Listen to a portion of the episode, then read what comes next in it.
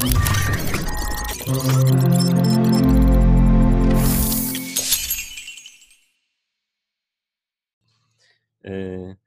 Znakomicie. Okej, witam Cię Anna na naszym pierwszym y, online'owym y, podcaście. E, Witam Cię, Kasper, na naszym pierwszym online'owym podcaście. O, jak miło mi y, być tutaj z Tobą. Jak widzisz, E, za mną jest wirtualne tło, nie przejmuj się tym. Y, Czy to znaczy, że masz bałagan w domu? Ja jestem na home office. y, Firma produktowanie przeniosła się na home office i teraz y, w związku z tym musieliśmy y, y, stworzyć przestrzeń biurową w salonie, który nie jest do tego przystosowany. Jak dobrze wiesz. E, No, ja też jestem na home office. E, Ja, ponieważ jestem na home office, jak my wszyscy od jakiegoś czasu, zaaranżowałam sobie już e, tło, które ma sugerować, że jestem kompetentna. Mm. Mm, Jesteś kobietą, pomimo tego wciąż jesteś kompetentna. Fantastycznie. Tak, chociaż widzę, że jeden artefakt tutaj został za mną, to znaczy woreczek z maseczkami, które uszyłam. O, uszyłaś maseczki. Z jakiegoż. To ciekawe, może przyjdziemy do tego za chwilę. Po, y, pochwalić tak. się tylko, że w, wczoraj przed snem y, ułożyłem y, agendę naszego podcastu. Mamy O mój agendę. Boże, w końcu mamy agendę. Chętnie się z nią zapoznam, Kacper. Dobra, mamy w, w raz w pięciu punktach. No dobra. Nasze spotkania będą zaczynały się zawsze od update'u życiowego. Mhm. Planuję rozpocząć to pytaniem. Hej Joanna, co słychać w życiu projektanta? Y, Oczekuję soczystych szczegółów. Szczególnie w czasach zarazy, wydaje mi się to ciekawe.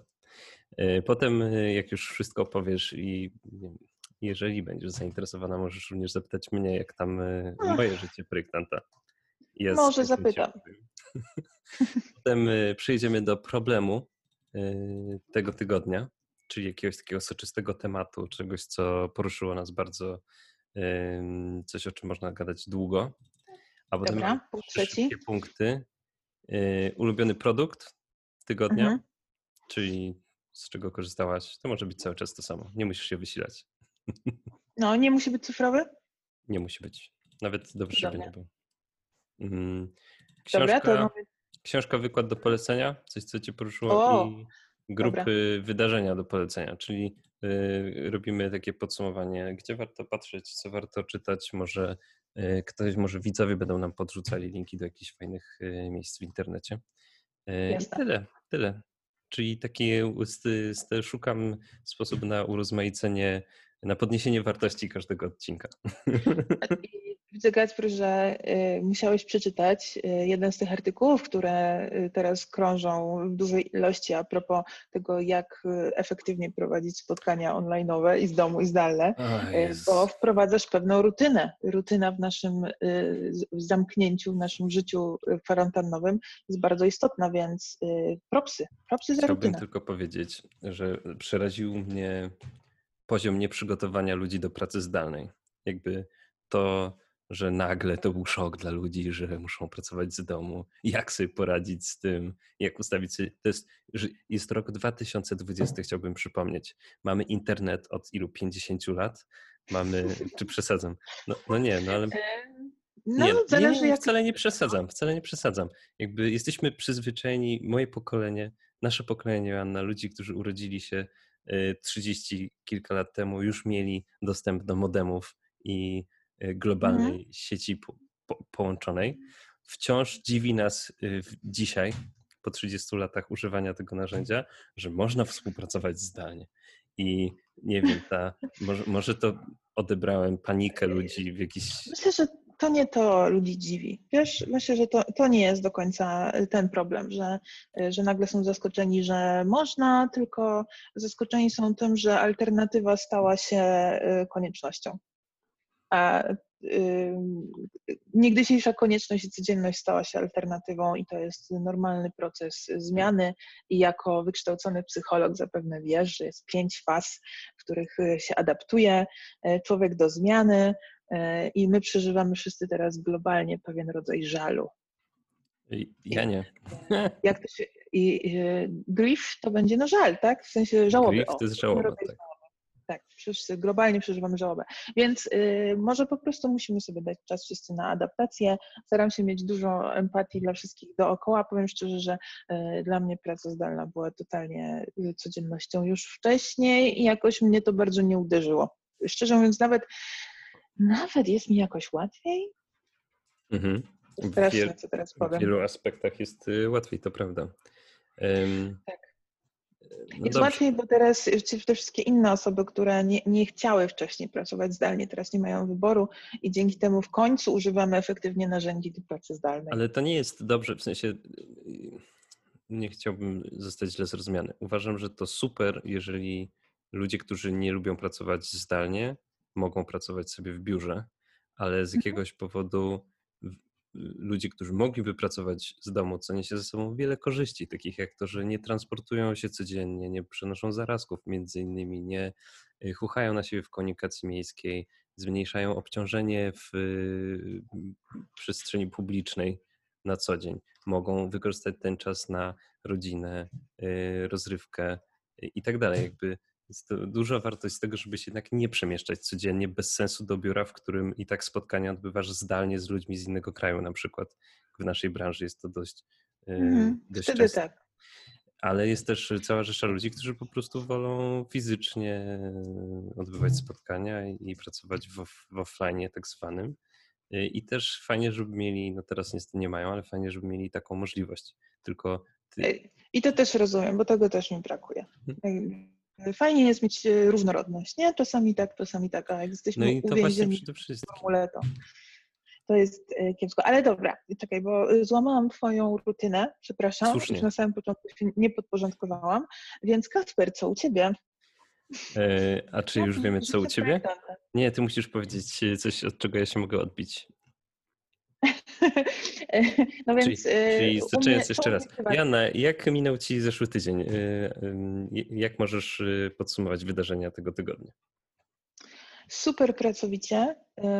Powiem szczerze, że odkąd zaczęła się kwarantanna, pracuję trzy razy tyle, co jak pracowałam, jak nie było kwarantanny, co mnie aż zadziwia, jak to się dzieje. E, I tak się napracowałam, że się przepracowałam i się rozchorowałam, więc e, potem e, musiałam odchorować kilka dni, ale mm, udało się mi wszystko wyprowadzić na prostą. Już odpoczęłam i jak widzisz, z powrotem jestem na nogach. Mamy weekend, więc jestem zrelaksowana, cieszę się obecnością rodziny, bawię się z dzieckiem. Co mogę powiedzieć? Piękna pogoda, zawiesiliśmy hamak na tarasie. Nice. Z czego wynika to, że przepracowujesz się pracując z domu? E, I to jest coś, co chciałam, o co Ciebie chciałam też y, zapytać, Kacper. Czy y, u mnie to wynika z tego, że nagle pojawi, nie wiem jak to się stało, chyba wszyscy przerażeni y, tym, że mogą być mniej produktywni, zaczęli być dużo, dużo bardziej produktywni i zaczęli też oczekiwać dużo wyższej produktywności od innych, więc jakby ja muszę nadążyć z odpowiadaniem i facylitowaniem i, i przeglądaniem, komentowaniem wszystkich materiałów, które nagle dostaję cztery razy szybciej niż jak pracowaliśmy niezdalnie, tylko normalnie. Mhm. E, I stąd chyba się bierze mój natłok pracy, plus, a może moja wina, że narzuciłam na siebie jakąś taką misję, że powinnam zrobić coś dobrego dla, e, dla ludzi, którzy potrzebują teraz pomocy wobec e, tej całej sytuacji, więc sama sobie dołożyłam. A czy ty Mm. też tak masz, że nagle masz dużo więcej? Ja mam, słuchaj, bardzo dobry y, bufor w postaci Sylwii oraz dziecka, które wymusza na mnie to, żeby y, pracować dokładnie tyle, ile muszę. Y, No bo po godzinie tam 16-17 y, mamy rytuał spania, y, a dziecko wstaje o 5.30, więc to też jakby ustawia mi cały dzień. Wstaję, trochę zajmuję się dzieckiem, zaczynam pracę, potem Sylwia przyjmuje dziecko, ale jak tylko skończę pracę, to jest moja kolej, żeby wykonać jakieś obowiązki. W międzyczasie jeszcze są psy, jakby mam bardzo dobrą rutynę, tak bym to nazwał. Mam co do minuty rozpisany y, każdy dzień. Hmm. E, No ja chyba, e, chyba mam po prostu za wygodnie, bo opiekunka ciągle przychodzi do Jagody, a e, i dzięki temu ja mam jeszcze więcej czasu na pracę, pracę. ale nie to, że narzekam. Ja się bardzo się cieszę, jestem jej wdzięczna, że e, wciąż do nas przychodzi i pozwala na to. No dobrze. Kacper. To zamyka. To, wiem, co chciałam. To był, to był update y, z tego tygodnia. Nie, jeszcze, jeszcze jedną rzecz chciałam powiedzieć, y, bo dobrze zadałeś to pytanie, dlaczego się hmm. przepracowałam. To trochę wynika z tego, że właśnie nie zrobiłam sobie tej rutyny, którą ty masz fajnie narzuconą i y, cały czas mm, starałam się jeszcze dopchnąć parę zadań, o, natomiast to jest trudne, jak nie wychodzisz z domu, jesteś ciągle w tym samym środowisku i mm, no faktycznie nie ma tego przejścia pomiędzy pracą a domem, i takiego, a dobra, to załatwię to już jutro w biurze. Nie? Tak. Tylko. Wiesz, wiesz co mnie dziwi? Że jest y, więcej ludzi y, niż myślałem, którzy mają ten problem, że nie, nie rozdzielając fizycznie tej granicy pomiędzy biurem a przestrzenią domową, że po prostu się zapracowują. E, myślałem, że to jest, wiesz, tylko jakiś e, e, parszywych pracocholików taka cecha. Jak A ja już dziękuję. dziękuję. To komplement. To jest po czym poznasz pracocholika, że jak go tak nazwiesz, to uważa to za komplement. Tak. Więc... No, doceniasz moje starania. Wiesz, y, próbuję nawet z tym walczyć i y, zastosowałam pewne techniki, które poleciłby mi każdy dobry psycholog, taki jak ty, Kacper. Mhm. To znaczy ustalić sobie jeden, y, jedno stałe miejsce do pracy, w którym pracuję, jakby oddzielić tą przestrzeń pracy tak sztucznie trochę od przestrzeni życia, mhm. więc staram się nie pracować na kanapie, nie pracować w łóżku, nie pracować w jadalni ani tak. w kuchni, tylko pracować przy biurku w miejscu, które mamy wyznaczone tak gabinetowo. I mm, powiem Ci szczerze, że to jest strasznie trudne dla mnie. To jest strasznie trudne. Ja byłam przyzwyczajona, że sobie zmieniam miejsca i to też mi pomagało między mhm. spotkaniami zmienić jakoś tak setting, myśli, e, a teraz e, tak, no, mam nadzieję, że zadziała. No, zmuszam się trochę do tego, ale e, miejmy nadzieję, że to przyniesie efekt. Joanna, trzymam, trzymam za Ciebie kciuki. Powiedziałaś, powiedziałaś coś ciekawego, myśl mi uciekła, ale może ją przywołam. Rozmawialiśmy o tym, że dużo rzeczy się pojawiło w internecie o tym, jak pracować zdalnie, i stąd moje oburzenie, jak to ludzie nie są przygotowani jeszcze do pracy zdalnej. Mhm. I chciałbym tylko powiedzieć i może zaznaczyć, że rzeczywiście pojawiło się dużo wartościowych publikacji związanych z tym, jak organizować sobie pracę zdalną. Czy jesteś w stanie, Joanna, przywołać dla osób, które być może jeszcze potrzebują tego wsparcia, e, jedno lub dwa źródła, do których e, warto zajrzeć? Hmm, wiesz co, ostatnio, y, no tak, było tego bardzo dużo, ale przyznam szczerze, że każdy z tych artykułów po kolei mnie bardzo mocno rozczarowywał. O nie. Więc chyba nie jestem w stanie polecić nic konkretnego, przepraszam, bo one wszystkie są o tym samym i wszystkie mówią o tym Jasne. samym. I być może, y, znaczy na pewno dla osób, które nigdy wcześniej nie pracowały zdalnie, to hmm to jest jakaś nowość, jest to coś wartościowego i jak tylko się wejdzie na medium, to y, na pierwszej stronie y, wyświetli się mnóstwo y, artykułów na ten temat we wszystkich możliwych językach. Mhm. Ale powiem szczerze, że jakichś takich odkrywczych to nie spotkałam. A ty? Mhm. Spotkałaś jakieś fajne artykuły, które możesz polecić na ten temat? Nie wiem, czy są fajne, bo sam nie, ja tylko tak widziałem, że treści się pojawiają. Y, dwie rzeczy, które na pewno na które warto zwrócić uwagę, to y, jeżeli ktoś jeszcze nie zna, y, jest taka firma w Berlinie, nazywa się AJN Smart i oni zajmują się tylko i wyłącznie promowaniem i prowadzeniem design sprintów, czyli projektowania w takiej metodzie szybkich, szybkich iteracji tygodniowych w oparciu o jakieś tam takie metody Y, design thinking, ale bardziej skoncentrowane na produkcie. I oni opublikowali, i oni rzeczywiście dużo tych y, sprintów robią sami zdalnie y, z klientami i opublikowali jakiś swój materiał na ten temat, jak te sprinty przeprowadzać zdalnie, więc nawet nie jest sama praca zdalna, jak po prostu ta specyficzna forma projektowania w wydaniu zdalnym. I to wydaje mi się dla ludzi, którzy na przykład są zainteresowani design sprintami albo prowadzeniem takich rzeczy, warto tam rzucić okiem.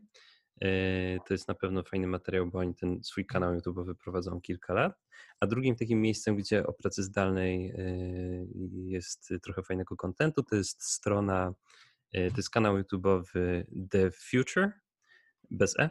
I oni tam też, oni, oni bardzo fajnie analizują takie bieżące problemy ludzi ze świata sztuki i designu i tam siłą rzeczy praca zdalna się znalazła, ale też bardzo fajnie produkują te filmy, więc polecałbym, żeby osoby, które jeszcze potrzebują coś doczytać albo poszukać jakiejś informacji, to zerknijcie sobie tam. Mhm. Na, na, pewno jedna, nie wiem w którym artykule to było, ale jest taka jedna rzecz, która y, mi się rzuciła w uszy, oczy, mhm. jako ważny wniosek a propos pracy zdalnej. To znaczy, mm, że, że nie ma sensu przenosić jeden do jeden naszych przyzwyczajeń i naszego sposobu pracy i na siłę próbować po prostu przenieść go w media zdalne, mhm.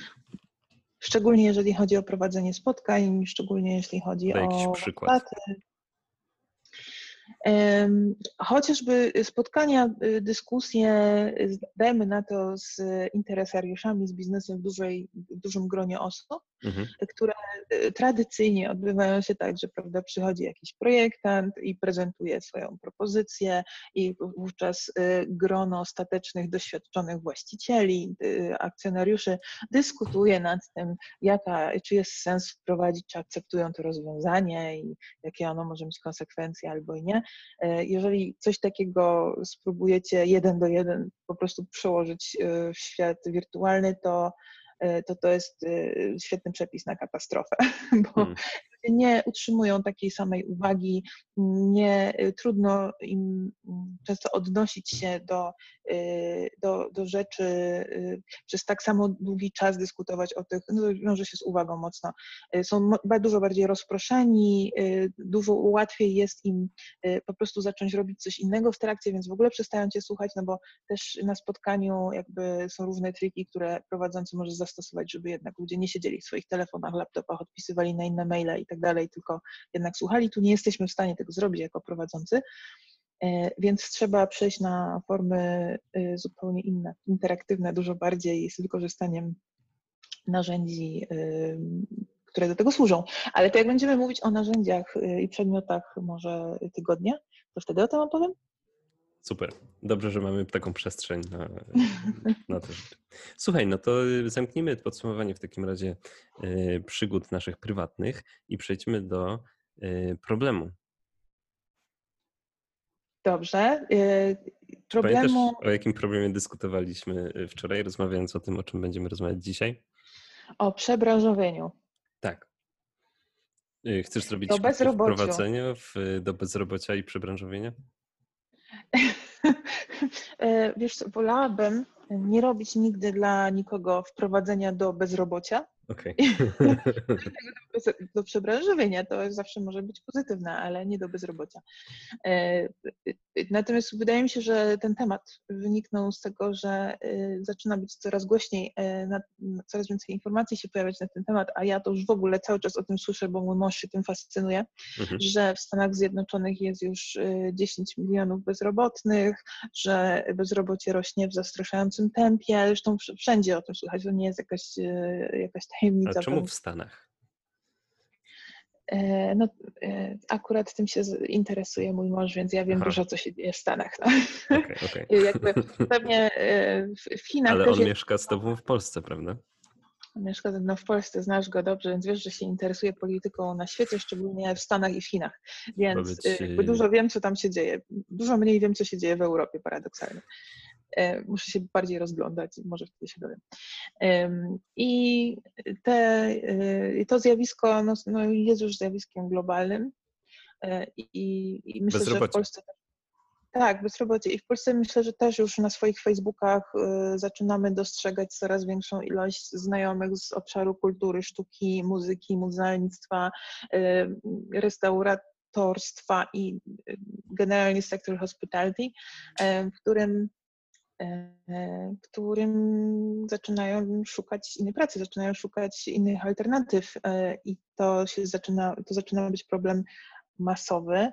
Pytanie, co, ja, ja, co się stanie za chwilę, jakby co, się, co ci wszyscy ludzie mają zrobić, zakładając, że e, zakładając, że ta epidemia, ta pandemia potrwa trochę dłużej i że nie jest tak naprawdę tylko problemem chwilowym problemem miesiąca czy dwóch, ale na przykład jest problemem e, półrocznym, rocznym, półtora rocznym, to co wtedy, Kacper? Jak ty myślisz? Że pandemia? Pandemia to jest chyba najmniejszy problem y, długoterminowo, bo no. sobie jakoś y, ona chyba nie jest w stanie wciąż wybić populacji do tego krytycznego stopnia, tak jak...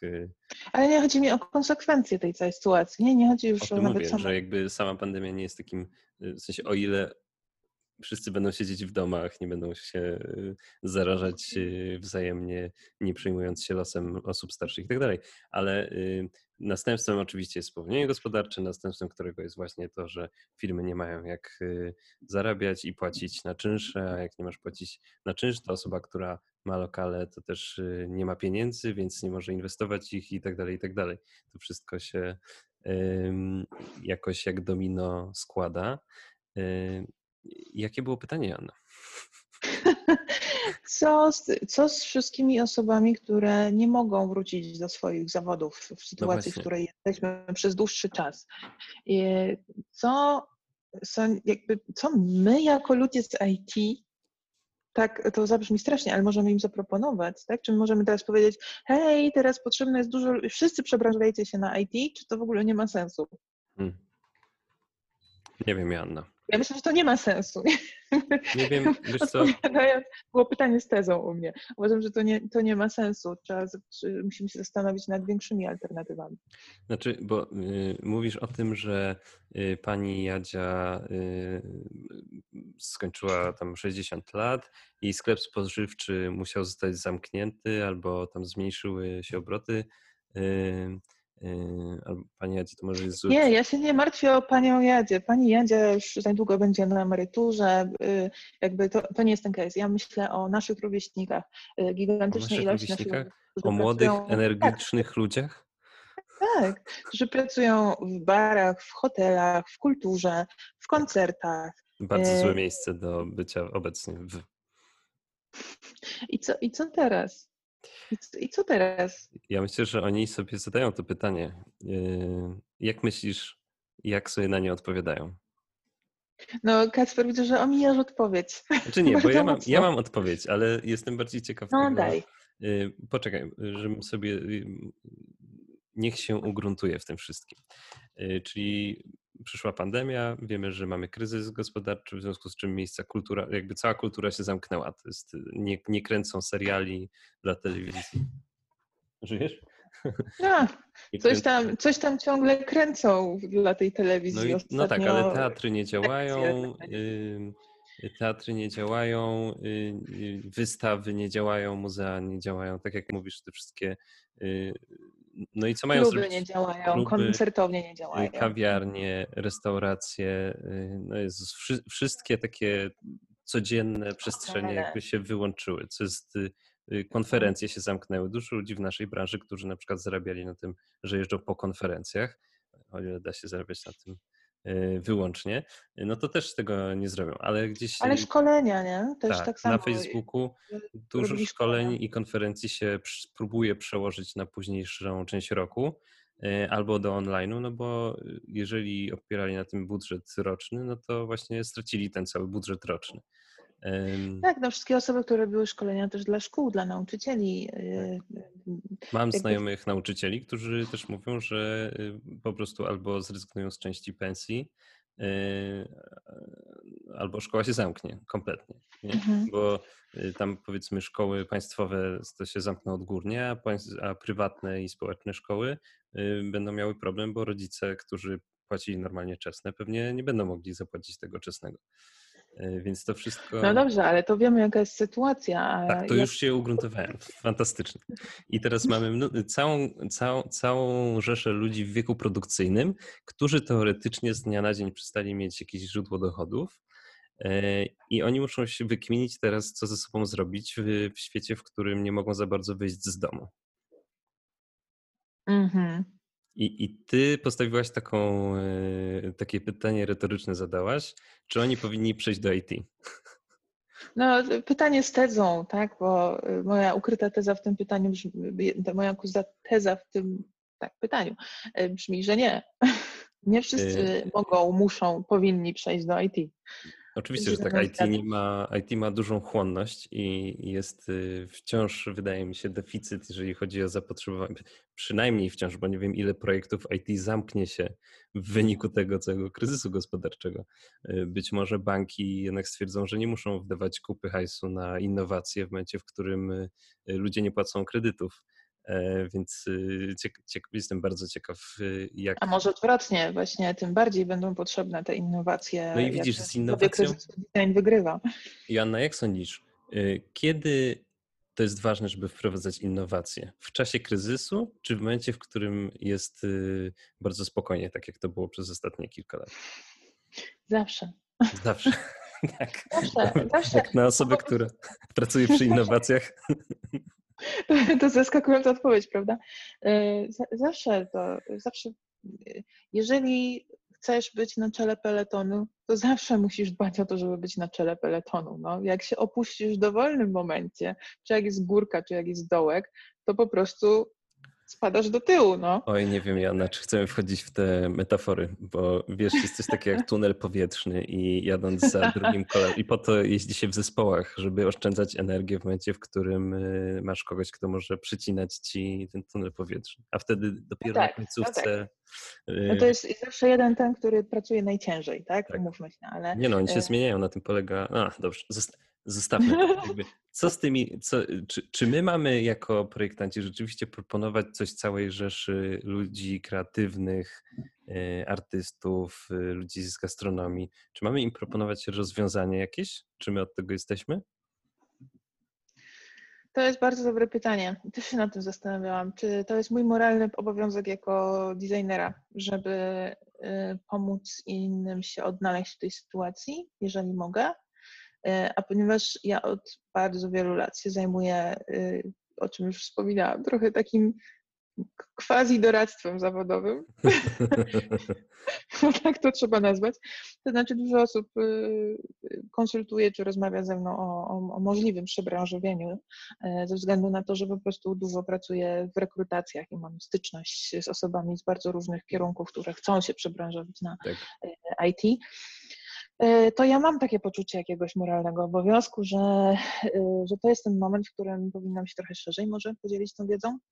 E, nie mhm. tylko z pojedynczymi osobami, które, które mnie znają i przychodzą, czy się gdzieś tam o tym dowiadują, ale, ale gdzieś szerzej.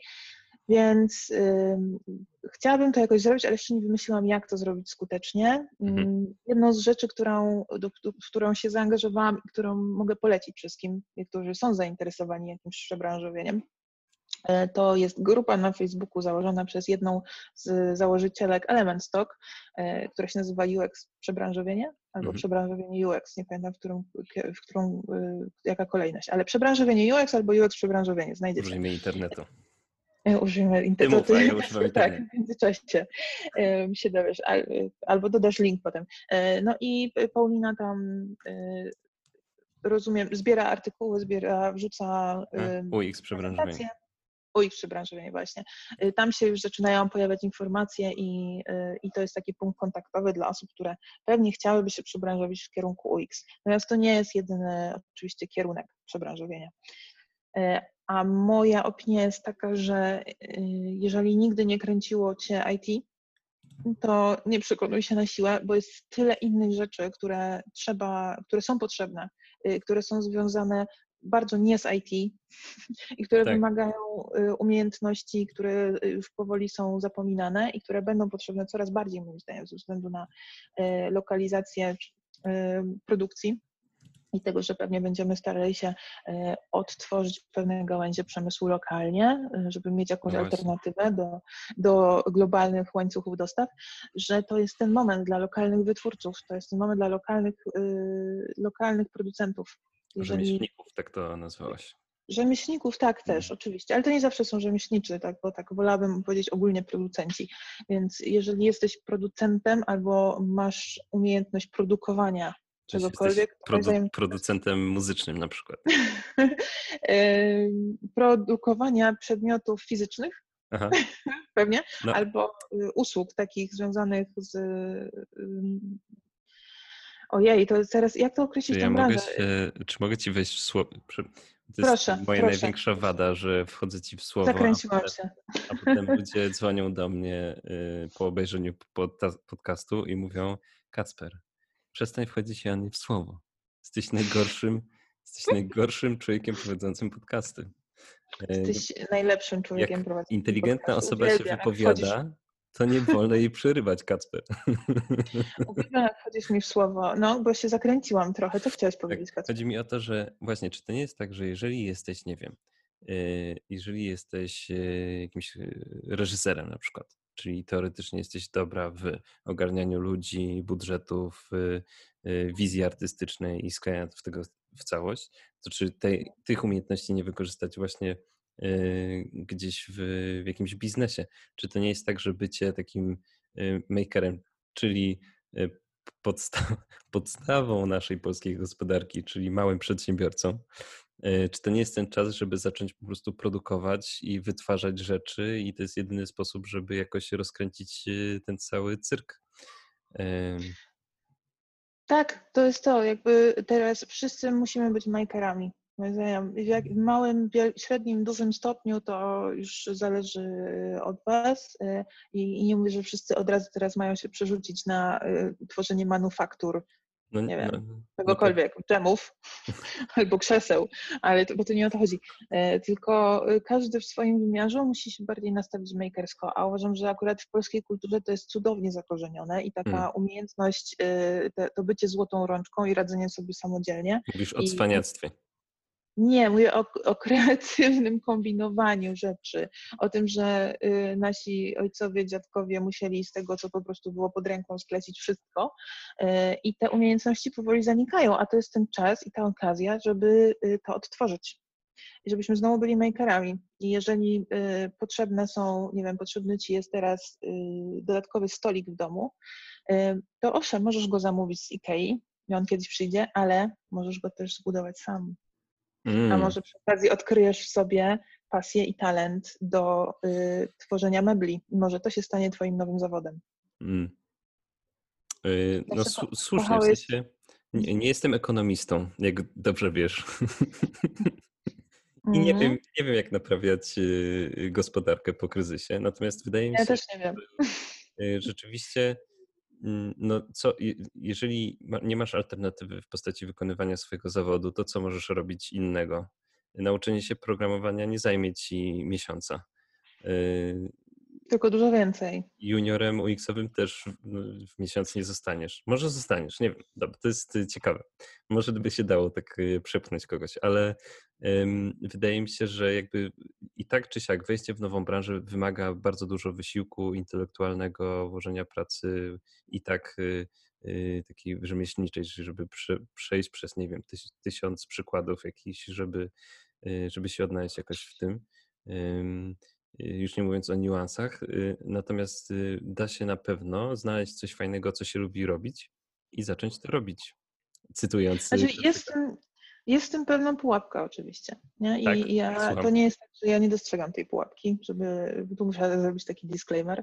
To znaczy e, wiadomo, że takie egzotyczne, y, patrząc z dzisiejszego punktu widzenia, egzotyczne produkcje, czyli że nie kupujemy produktu, który jest produkowany masowo, tylko powiedzmy designerskiego, y, ręcznie wykonanego, domowego, to ja to nazywam takie egzotycznymi. Mhm. One się najlepiej sprzedają wtedy, kiedy społeczeństwo jest bogate i Tak. może wydawać pieniądze na bzdury. Nie? Tak. No bo wiadomo, że to jest zawsze droższe. Mhm. Natomiast jeżeli jesteśmy w sytuacji kryzysu i ludzie mają coraz mniej pieniędzy w portfelu, Tak, e, to e, trzeba starannie rozważyć e, koszty tego, co wytwarzamy, true. ale z drugiej strony ten kryzys jest bardzo specyficzny, który dzisiaj mamy, bo to nie jest jak kryzys finansowy z 2008 Mhm. roku, to jest zupełnie inny kryzys związany z łańcuchem dostaw i z pewnymi, mm, być może, bo to jest trudno przewidzieć jeszcze, z, z pewnymi e, niedostatkami pewnych produktów. Więc Plus na pewno będzie ważnym czynnikiem będzie y, to, że coś jest lokalne albo nielokalne. I na pewno y, psychologicznie ludzie będą starali się wspierać to, co jest lokalne. Więc mm, jeżeli jesteś lokalnym wytwórcą, to to jest twój czas. Tak, i na y, potwierdzenie tego, co mówisz, chciałbym tylko y, otworzę sobie grupy facebookowe gdzieś tam. Kaj się chyba obudził, słyszę go. tak, chyba Sylwia z nim walczy. Mam takie grupy tutaj społeczności lokalnej na Żeraniu, w których jest bardzo dużo ludzi, którzy się ogłasza, że stracili pracę, ale na przykład szyją maseczki albo mhm. kwiaciarnie, które nie obsługują normalnie w lokalach, natomiast dojeżdżają gdzieś do ludzi z tymi kwiatami i sprzedają je nawet trochę taniej niż chyba normalnie, żeby po prostu ten biznes jakoś się kręcił. Więc nawet jeżeli to nie są potrzebne rzeczy, czyli kwiaty, to jednak y, coś można z tym produktem wciąż kombinować, wychodząc do ludzi, dowożąc y, do lokalizacji. Myślę, że ten rynek na przykład y, gastronomiczny, on ma duży potencjał. Pomimo tego, że ludzie nie chodzą do knajp, to wciąż można to jedzenie robić. Dużo ludzi przerzuciło się na diety pudełkowe, w związku z tym wśród znajomych programistów. W związku z tym, że nie chce im się ani czekać w kolejce do Lidla, ani nie chce im się potem tego gotować i sprzątać, to polegają na firmach, które się ogłaszają, że w rękawiczkach i maseczkach przygotowują całe jedzenie i dowożą ci je pod drzwi. Więc na pewno gdzieś jest ta przestrzeń do yy, może nie innowacji, ale jakby zmodyfikowania jest... swojego biznesu. To dokładnie jest innowacja, hmm? Uważam, że to jest właśnie innowacja, czyli wyjście z nową ofertą, takie przeformułowanie swojego produktu, żeby y, odpowiadał na zapotrzebowanie i dawał wartość dodaną, która w tym momencie jest najbardziej potrzebna. Tak. Więc y, Świetny przykład też y, znajoma y, opowiedziała mi o właścicielu y, siłowni, do której chodziła, mhm. który no oczywiście musiał zamknąć siłownię, wiadomo z jakiego powodu, ale wypożycza sprzęt, który miał w siłowni oraz otworzył, na ten czas otworzył mini firmę, która dowozi zakupy. Więc tak. można złożyć jakby szybko. Szczerze mówiąc, nie wiem, jak to, jak to zrobił, czy to robił sam, czy to zamówił gdzieś indziej, ale szybko postawił stronę jest internetową. Jest platforma, która się, działa. Jak to się nazywa? To nie jest Shopify, tylko to jest. Shipking? Nie wiem. Jest na pewno taka platforma, która się dokładnie tym zajmuje. E, istnieje już jakiś czas. Tylko wydaje mi się, że też ludzie nie mieli takiego kopa, żeby ten. Wiesz, że we Frisco zamówienia mają półtora miesięczny okres oczekiwania? Więc jaki to jest rynek teraz dla no wszystkich no osób, które, e, które chciałyby tak, a, pracować w inny sposób? No, a połączyć, połączyć to na przykład nie z, ze sklepami takimi jak Lidl, gdzie i tak masz marżę podwójną, tak jakby, ale połączyć to z lokalnymi wytwórcami żywności, czyli sady mhm. Pod Grójcem, jakieś takie y, miejsca, gdzie być może ta żywność jest y, łatwiej dostępna, nie? Y, duży problem mieliśmy z tym, że nie opłacało się produkować tej żywności dopiero co. Może lokalne zapotrzebowanie, które się zwiększy przez właśnie załamanie łańcucha, pozwoli też zarobić godnie tym ludziom, którzy to jedzenie rzeczy muszą produkować, bo nie zamkniesz sadu w pół roku. To znaczy, jeszcze usłyszałam coś ciekawego od, w radiu akurat, usłyszałam, wypowiadała się prezes y, Lidla, mhm. która powiedziała, że oni zrobili gigantyczne zamówienia na święta, zwiększyli y, oczywiście swoje stany magazynowe na maksimum, no bo nie spodziewali się, jakby takie zamówienia się robi wiele miesięcy wcześniej. Tak, tak. więc to zamówienie jest, ono czeka, natomiast problem jest inny. Ze względu na ograniczenie dostępu y, ilości klientów w sklepie naraz, tak. oni nie są w stanie wydać tego jedzenia. Tak. E, więc widzę wielki potencjał e, takich umów, mniejszych firm, które się zajmują po prostu przyjmowaniem zamówień i przewożeniem e, tego do konkretnych osób, żeby hmm. z takimi sieciami współpracować. I myślę, że to jest ten moment, w którym można wynegocjować też bardzo dobre ceny tak. i bardzo dobre marże na, dla, dla takich, na tych produktach. Mhm.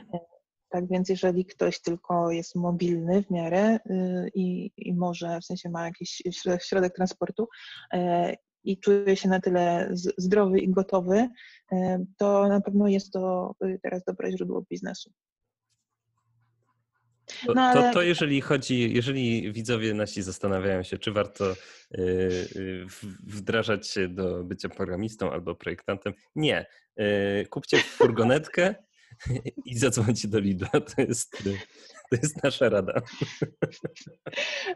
To nie jest to brzmiało dobrze. Chyba staramy się po prostu iść pod prąd, bo to nie jest tak, że jeżeli zawsze marzyłeś o tym, żeby y, zostać programistą i wejść do IT i, i, i to, co cię blokowało, to to, że nie miałeś czasu, bo musiałeś zapierniczać w pracy codziennie od prawda, świtu do nocy yy, i tam zbierać napiwki i coś, a teraz masz wolne, nie pracujesz i nadal o tym marzysz, to tak, to, to jest idealny moment, żeby wejść tak, do IT. Znaczy, to jest super moment, żeby rzeczywiście podjąć tą decyzję, aha, to już nie mam pracy takiej codziennej, no to coś muszę ze sobą zrobić, to czemu nie zrobić tego, o czym marzyłem. To jest idealna sytuacja dla ludzi, którzy mają problem z podjęciem tej decyzji. E, natomiast y, rzeczywiście, tak jak mówisz, to nie jest, y, na pewno nie powinno się podejmować decyzji w oparciu tylko o to, aha, to w IT się dobrze zarabia, a ja akurat straciłem pracę, no to może będę jednak pracował w IT. To donikąd nie prowadzi. Ja w ogóle z, zanim weźmiesz oddech do końca, to powiem, że już jakiś czas temu zastanawiałem się nad zrobieniem takiego warsztatu w oparciu o książkę Design Your Life, którą kojarzysz być może? Kojarzę, kojarzę. Tak. Opowiadałeś no to... mi o niej nawet. A, no właśnie. Y, to książ... A czy robiliśmy to podczas podcastu? Ja zapomniałem, że nie. przeżywaliśmy tę chwilę? Nie, dobrze. Nie, nie, nie. nie. Więc y, ta książka... Przeżywamy też y, wspólne chwile Kacper poza tym podcastem czasami. Tak, naprawdę. Więc y, książka opowiada o tym, że nie warto podejmować decyzji. Wydaje nam się czasem, że chcielibyśmy na przykład y, uczyć surfingu w Portugalii i całe życie tam spędzić na tej plaży i y, bardzo dobrze bawić się pijąc drinki, ale jak już zamieszkamy tam i spędzimy dwa miesiące, to okaże się, że to jest strasznie nudne, klienci są paskudni, a tak naprawdę pogoda nie jest taka super cały czas i tak dalej. I to, to, to jest skrót książki, że najlepiej to przetestować, czyli to, co my robimy, y, robiąc produkty, y, przetestować koncept, który nam się podoba, czyli takie życie surfera, za pomocą różnych metod badawczych, które mamy dostępne, czyli wywiadów, albo prototypowania, albo właśnie nie wiem, jakiegoś krótkiego testowania, czyli tr takiego trialu, y, żeby stestować to rzeczywiście, że życie, które sobie wymarzyliśmy, odpowiada naszym potrzebom takim codziennym, tego jak bardzo chcemy być pobudzeni w ciągu dnia, jak dużo stresu chcemy mieć w ciągu dnia i tak dalej. E, I myślałem o tym, żeby dla siebie samego zrobić taki warsztat, kilka ćwiczeń poskładanych, e, żeby przejść przez to, jakie ja mam motyw, co mnie motywuje, jakie mam aspiracje życiowe, co, co mhm. jest takim czymś, czego poszukuję, gdzie jestem na tej, y, w piramidzie Maslowa, do którego poziomu mam te potrzeby zapewnione, a czego, y, których leveli jeszcze brakuje mi, żeby odblokować, co kryje się na przykład za pojęciem samorealizacji dla mnie i żeby jakoś sprytnie przetestować takie koncepty, które być może pojawią się w wyniku takich rozważań, czyli aha, to może ja powinien być nie, projektantem, który tylko pracuje y, z NASA. I czy to rzeczywiście jest dobry pomysł, żeby y, brać się za jakieś projekty, o których y, nie mam zielonego pojęcia. E, więc to był jakiś taki pomysł warsztatu, który chciałem zrobić. I może teraz w związku z tym, że dużo ludzi chce brać udział w spotkaniach online'owych i warsztatach online'owych, to może to jest dobry moment, żeby coś takiego przetestować. E, koniecznie dajcie mi znać, bo Joanna powie, tak, zrób to, ale nie wiem, czy to jest dobry pomysł. Kasper, tak, zrób to. Ja zawsze popieram, żeby e, zrobić to, co e, się zaplanowało, żeby chociaż spróbować to zrobić. Jak masz pomysł, to spróbuj go zrealizować zdecydowanie. I Kacper, może to jest właśnie formuła na to, jak ja mogłabym też się podzielić moją wiedzą i moim doświadczeniem z y, doradzeniem zawodowym tego, czy warto wchodzić w jakąś ścieżkę, czy nie. Hmm. Przemyślmy to wspólnie, może zrobimy na przykład kolejny odcinek na ten temat. O, spoko. Albo po prostu zróbmy webinar. E, cześć Jacku. Tak, mimo że cię nie słyszę, ale e, chodzi za mną. Okay. Słuchaj, Joanna, bo cała ta wstawka o warsztacie y, tego Design Your Life była związana z tym, że ludzie muszą znaleźć jakiś sposób, żeby potwierdzić w sobie, czy ta ich chęć zostania programistą albo, nie wiem, robienia czegoś, nie wiem, y, zostania cieślą y, w związku z kryzysem, czy, czy to jest coś rzeczywiście, co będzie ich uszczęśliwiać na co dzień. I tu może zaparkujmy ten y, temat, jeśli chyba, że chcesz coś dodać. Nie, myślę, że właśnie to jest dobry czas na zaparkowanie tego tematu, y, żebyśmy zdążyli jeszcze omówić inne punkty, które miałeś w dzisiejszej agendzie. Tak, to był problem. Pozostały nam, przejdźmy do ulubionego produktu tygodnia. Z czego korzystałaś w tym tygodniu, co cię uszczęśliwiło? Dwie rzeczy. Miro, bardzo polecam. Narzędzie, tablicę interaktywną Miro. Czy miałeś z nią kiedyś do czynienia? Tak. Ja to jest fantastyczne narzędzie. Co jest takiego super fajnego w Miro akurat? Byłam bardzo zaskoczona, bo powiem szczerze, że y, dla mnie jako takiego super heavy usera tego typu narzędzi, no nie różni się ono bardzo od innych podobnych narzędzi. Mhm. Natomiast y, dostrzegłam tą cudowną różnicę dopiero jak wpuściłam y, w to narzędzie osoby, które nigdy do tej pory nie miały do czynienia z tego typu narzędziami i tablicami interaktywnymi. Mhm. I jeszcze do tego były to osoby 60, plus, więc y, spodziewałam się małej katastrofy. Tak. Przyznam szczerze, że doceniłam ich strasznie. Natomiast opanowanie tego, jak działa ten program, zajęło im dokładnie 5 minut, więc mam poczucie, że jest to naprawdę super intuicyjna tablica i ze wszystkich, które do tej pory używałam, wdrożenie użytkowników trwało najkrócej krócej, takich totalnie first time userów, którzy musieli po prostu wejść i coś zrobić konkretnego. Mhm. Stąd y, mój mały zachwyt nad produktem Miro. A druga rzecz, którą, y, drugi produkt, którego, y, który bym chciała polecić i który mnie ucieszył w tym tygodniu, to moja maszyna do szycia, którą odkryłam tak bardzo byłam zawikłana w pracę i w różne rzeczy cyfrowe, że zaniedbałam e, mój rozwój manualny. Bardzo za tym tęskniłam, więc odkurzyłam moją maszynę do szycia. Miałam poczucie, że robię to w słusznej sprawie i uszyłam do całej rodziny maseczki według zaleceń i przepisu amerykańskiego lekarza, którego też bardzo polecam na YouTube, jest fajny tutorial i, I cóż, y, był to, powiem szczerze, y, miałam poczuć taki produktywny relaks dla mnie. A twoje produkty, Kacper? Mm, ja polecam y, od jakiegoś czasu non-stop Figma. Figma jest według mnie najlepszym narzędziem do pracy dzisiaj jako projektant. Głównie w związku z tym, jak się fajnie kolaboruje z wieloma osobami, które może niekoniecznie chcą coś projektować, ale chcą zostawić komentarz, albo chcesz coś pokazać im y, w tym samym czasie, w którym coś projektujesz. Oni mogą wtedy podążać za tym, gdzie, y, gdzie ty akurat y, masz ten desktop otwarty i gdzie twoja myszka podąża. Więc jakby takie bardzo drobne usprawnienia w tym, jak można współpracować z ludźmi na jednym projekcie. E, Wydaje Czyli się... jeżeli jesteś początkującym UX-em albo przebranżawiającym się grafikiem albo e, kimś, kto chce pracować e, zdalnie w projektowaniu, to rozumiem, porzuć wszystkie inne narzędzia i ucz się obsługiwać dobrze Figmy. Wiesz co, tak, tym bardziej, że Figma troszeczkę robi to samo, co Miro, Real Time Board i wszystkie inne softy do y, współpracy online. To znaczy może z wyjątkiem dodawania jakichś specyficznych grafów. Nie wiem, czy ktoś tego używa rzeczywiście na co dzień. E, natomiast y, jakby ten koncept tego, że masz gdzieś jedną tablicę, na której wszyscy mogą wejść i coś robić jednocześnie, wklejając postity, kwadraty, kółka, jakieś takie rzeczy. No to, to, to jest ta, ten sam koncept. W dodatku masz aplikację, która dość y, stabilnie działa na Twoim desktopie.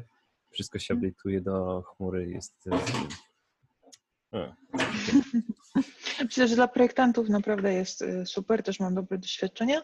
E, natomiast powiem Ci, że dla osób, które nie są projektantami i nie są obeznane z tego typu narzędziami, szczególnie graficznymi, mhm. to jednak Miro jest dużo bardziej uproszczone i było dużo łatwiej mhm. wprowadzić mi nowych użytkowników niż do Figma. Okej.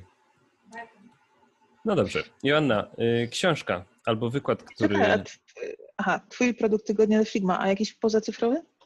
Mm, nie. Nie, ja już tylko siedzę w internecie. Ja już nawet przyniosłem siebie do y, internetu, już y, nie występuję w świecie rzeczywistym. Okej, okay, dobra. Książka. Transcendencja.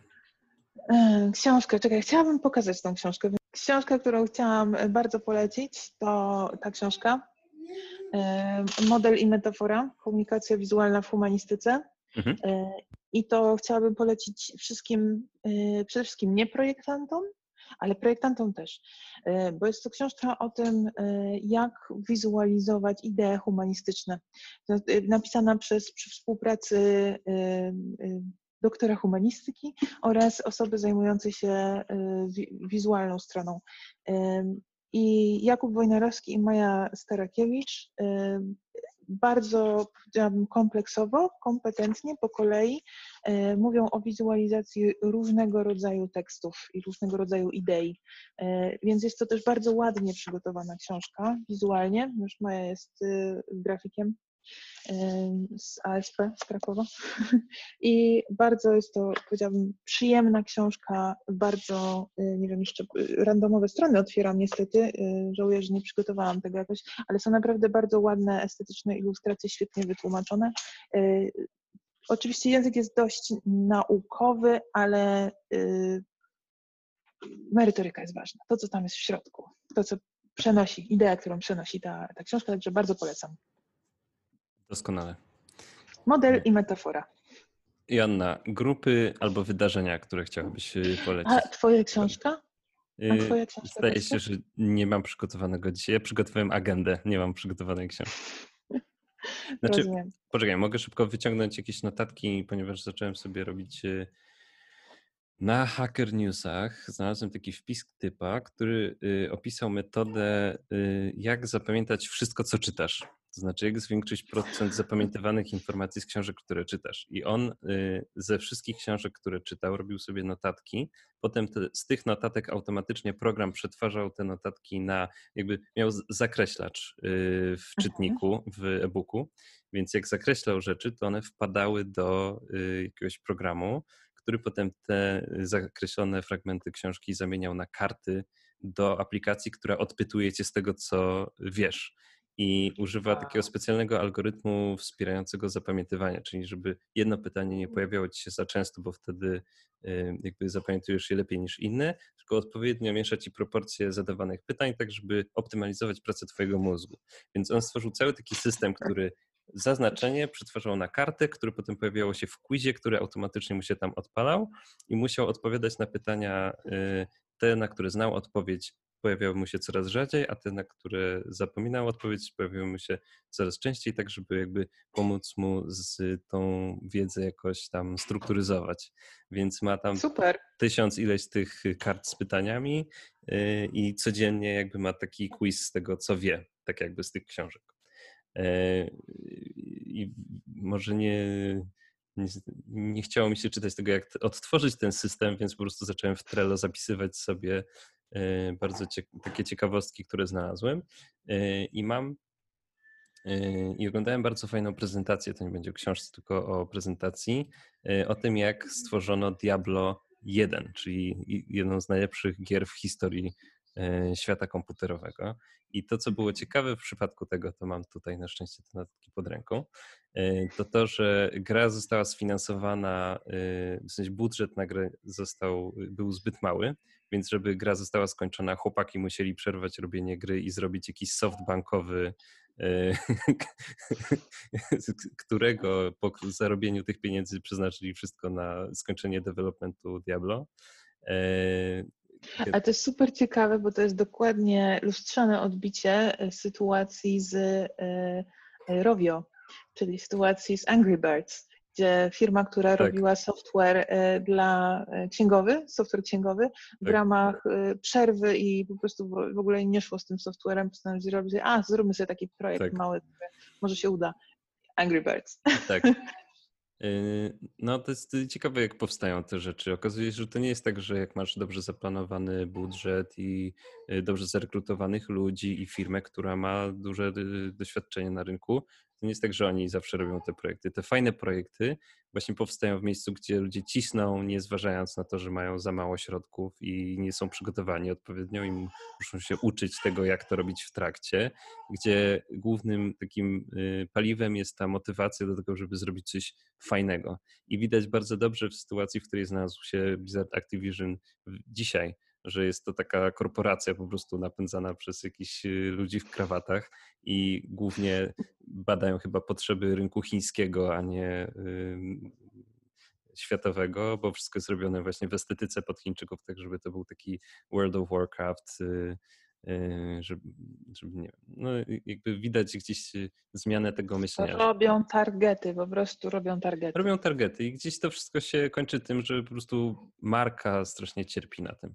Yy, ale właśnie Diablo 1, czyli niewystarczający budżet, dużo przygód po drodze. Okazało się, że jednym z ważniejszych czynników y, w powstaniu tej gry było testowanie jej z użytkownikami, czego się nie robiło w tamtych czasach.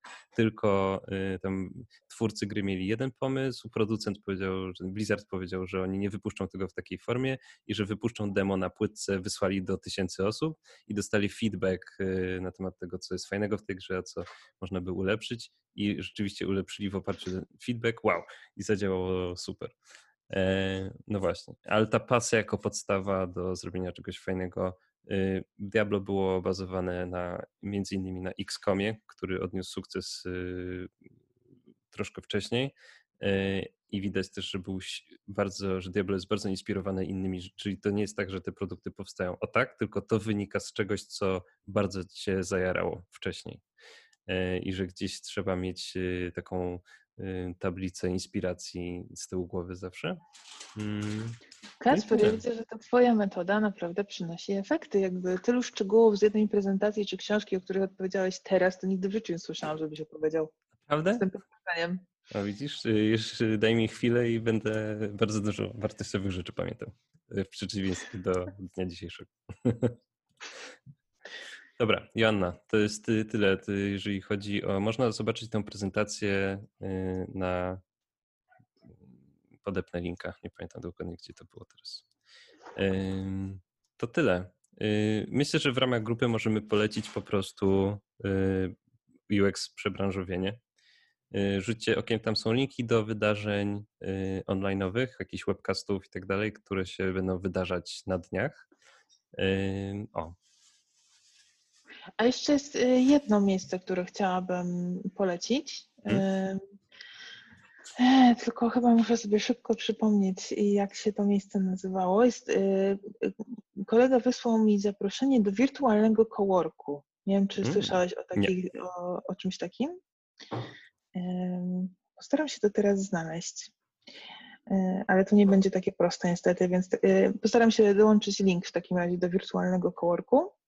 Mhm. E, uważam, że jest to ciekawy pomysł ciekawy i, i, bardzo się zastanawiam, jak to będzie wyglądać w takim razie. Co to jest, co to może być wirtualny cowork e, i e, został on założony przez Jerzego Tchórzewskiego na rzecz na rzecz pomocy nauczycielom tak naprawdę i tego, żeby zrobić coś y, z y, tą nieszczęsną edukacją cyfrową. Więc jeżeli hmm. ktoś by chciał pomóc i ktoś chciałby się włączyć, i tutaj mam na myśli y, rodziców, nauczycieli, samych uczniów, jeżeli Was dotyczy jakkolwiek ta przemoc edukacyjna, która się dziś teraz odbywa, to zachęcam do kontaktu. Cool. Przekażę. Dobra. E, Joanna, wielkie dzięki za udział w dzisiejszym odcinku. Rozmawiało mi się z Tobą jak zwykle przemiło. E, I co, w tej formie będziemy kontynuować podcast. E, do usłyszenia. Tak długo jak będzie trzeba. Tak długo jak będzie trzeba. Jakoś sobie poradzimy.